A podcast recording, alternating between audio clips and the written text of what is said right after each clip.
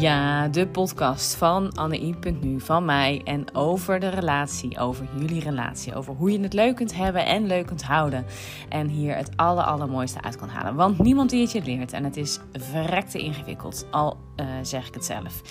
En vanuit mijn persoonlijke ontwikkeling, maar zeker ook mijn professionele ontwikkeling, uh, ga ik jullie alles delen over hoe de relatie leuk te houden en het uh, mooiste daaruit te halen. 12 jaar ervaring heb ik opgedaan in de therapiekamer en nu wil ik dit delen met jou. Heel veel luisterplezier.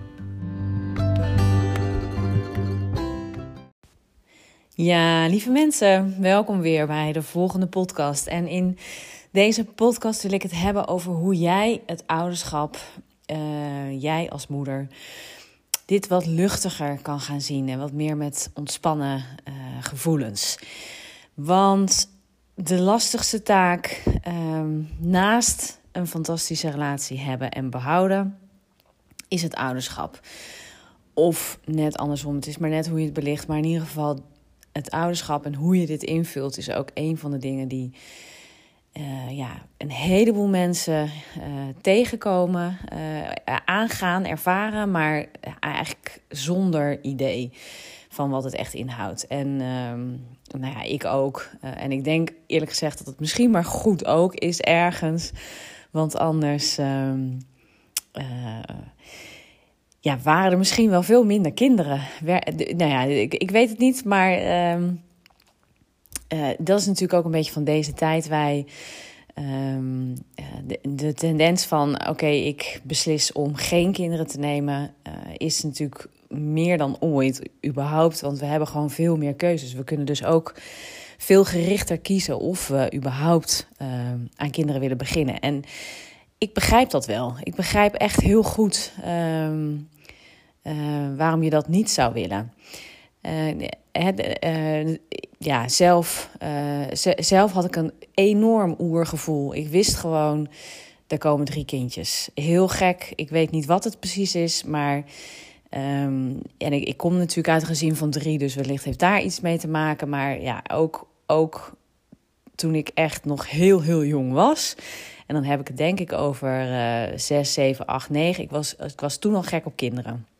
Het was toen al Anne-I baby op de knie was het. En nou ja, ik heb dat gevoel gewoon altijd gehouden. Daar komen gewoon kindjes. En ik denk dat heel veel vrouwen en mannen dit hebben. Um, maar er zijn ook een heleboel vrouwen en mannen die dat absoluut niet hebben. En dat mag er ook veel meer zijn. En daar, dat is natuurlijk echt een heel prachtig gegeven. Want laten we eerlijk zijn, het ouderschap is keihard werken. Ik vind het in ieder geval echt heel hard werken bij tijd en wijlen. En um, uh, ja, misschien wel meer harder werken dan dat het echt reet heel lekker ontspannen is, zeg maar. Maar ja, één ding die mij. Ik had onlangs een prachtig gesprek met een hele goede vriendin van mij. Um, uh, bevriende collega, vriendin. Nou, het is een vriendin geworden. En zij. Wij hadden het erover hoe, uh, hoe onze vakanties waren uh, gelopen. En uh, nou ja, en ook dat dat. Dat het, gewoon, dat het ook gewoon met kinderen uh, echt een compleet andere vakantie is dan wanneer je dat samen met je partner deed. Of toen je nog alleen was, deed.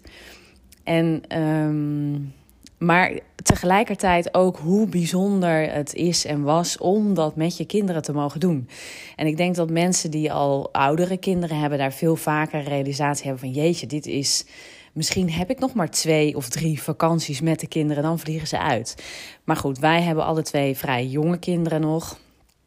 En we hadden het, er, we hadden het wel over dat gegeven van, uh, hè, van over dankbaarheid en dankbaar zijn. En één ding wat zij mooi beschreef, en daar, daar denk ik nog regelmatig aan terug, is dat ze zei van ja.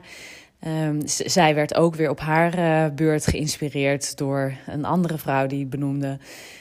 Um, uh, dat als je bijvoorbeeld weer voor de honderdste keer uh, in dat avondritueel datzelfde boekje moet lezen, datzelfde knuffeltje goed moet neerleggen, op dezelfde manier de tandjes moet poetsen, uh, op dezelfde manier je kindje een, uh, een nachtliedje voor, voor je kindje een nachtliedje zingen en kietelen op de rug of op de buik of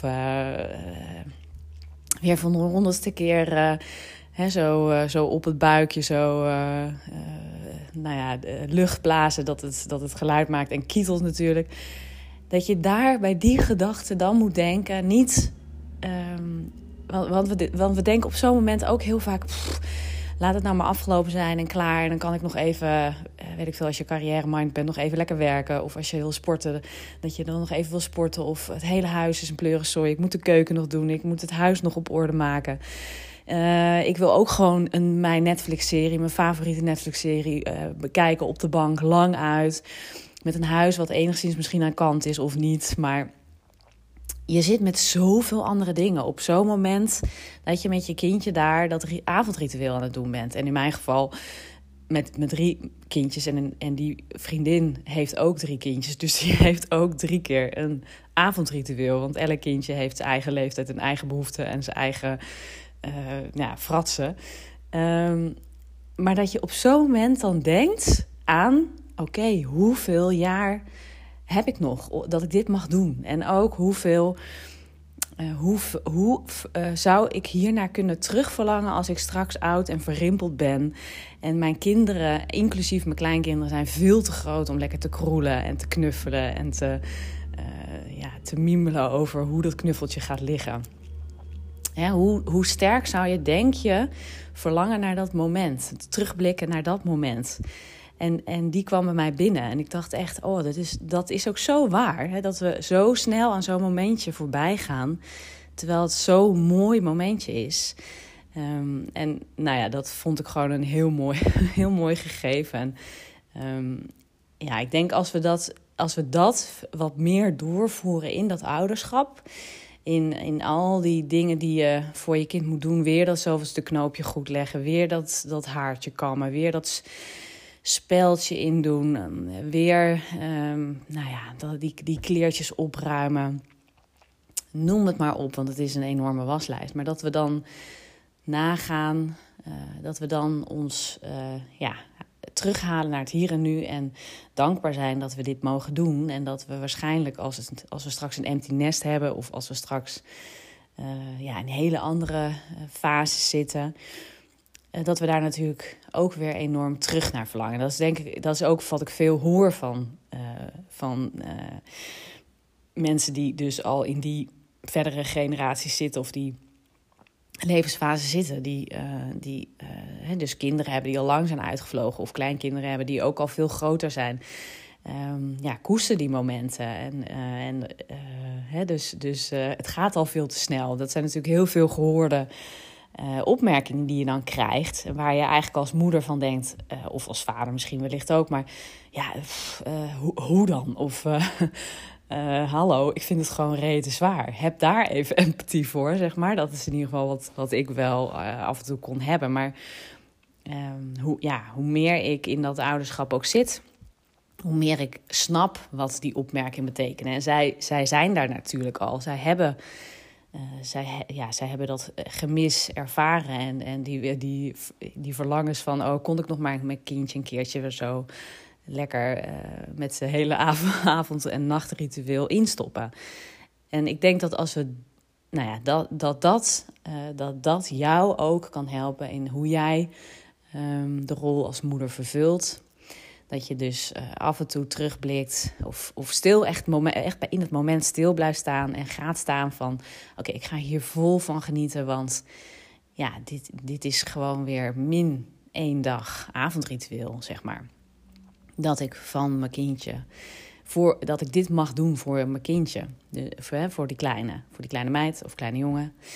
Um, en ik denk dat het jou ook kan helpen. Ik, ik, nou ja, dat, dat, dat weet ik natuurlijk niet zeker, maar probeer, ga het eens uitproberen.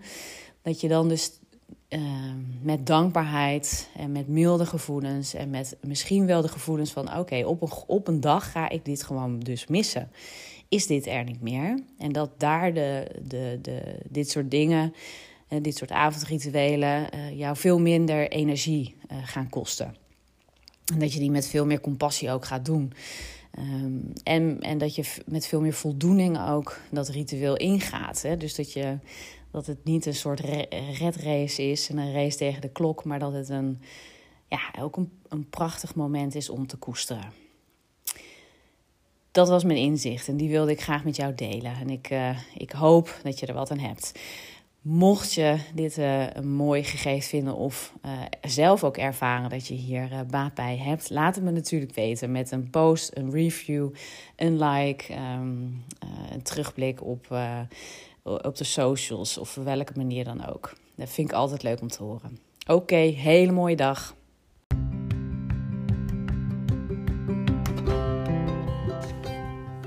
Ja, dit was alweer de podcast voor vandaag. Hey, en als je dit nou leuk vond en um, mij wil helpen om hoger in de rank, ranking te komen, dan waardeer ik dat natuurlijk enorm. En uh, dan wil ik je vragen om bijvoorbeeld uh, een screenshot te maken van dat je deze podcast aan het luisteren bent en dit kan delen op uh, jouw socials. Um, of tag me, volg me, link me. En uh, nou, wat ik enorm tof zou vinden is als je een review zou willen achterlaten in deze podcast-app. Uh, of een, uh, mij vijf sterren wil geven. En hiermee help jij ook mensen ehm, die ook naar dezelfde onderwerpen aan het zoeken zijn. Want dan kom ik hoger in de ranking en dan vinden mensen me sneller. Dus super tof als je dat voor mij zou willen doen en voor alle mensen die hier eventueel iets aan kunnen hebben hele fijne dag en tot in de volgende podcast.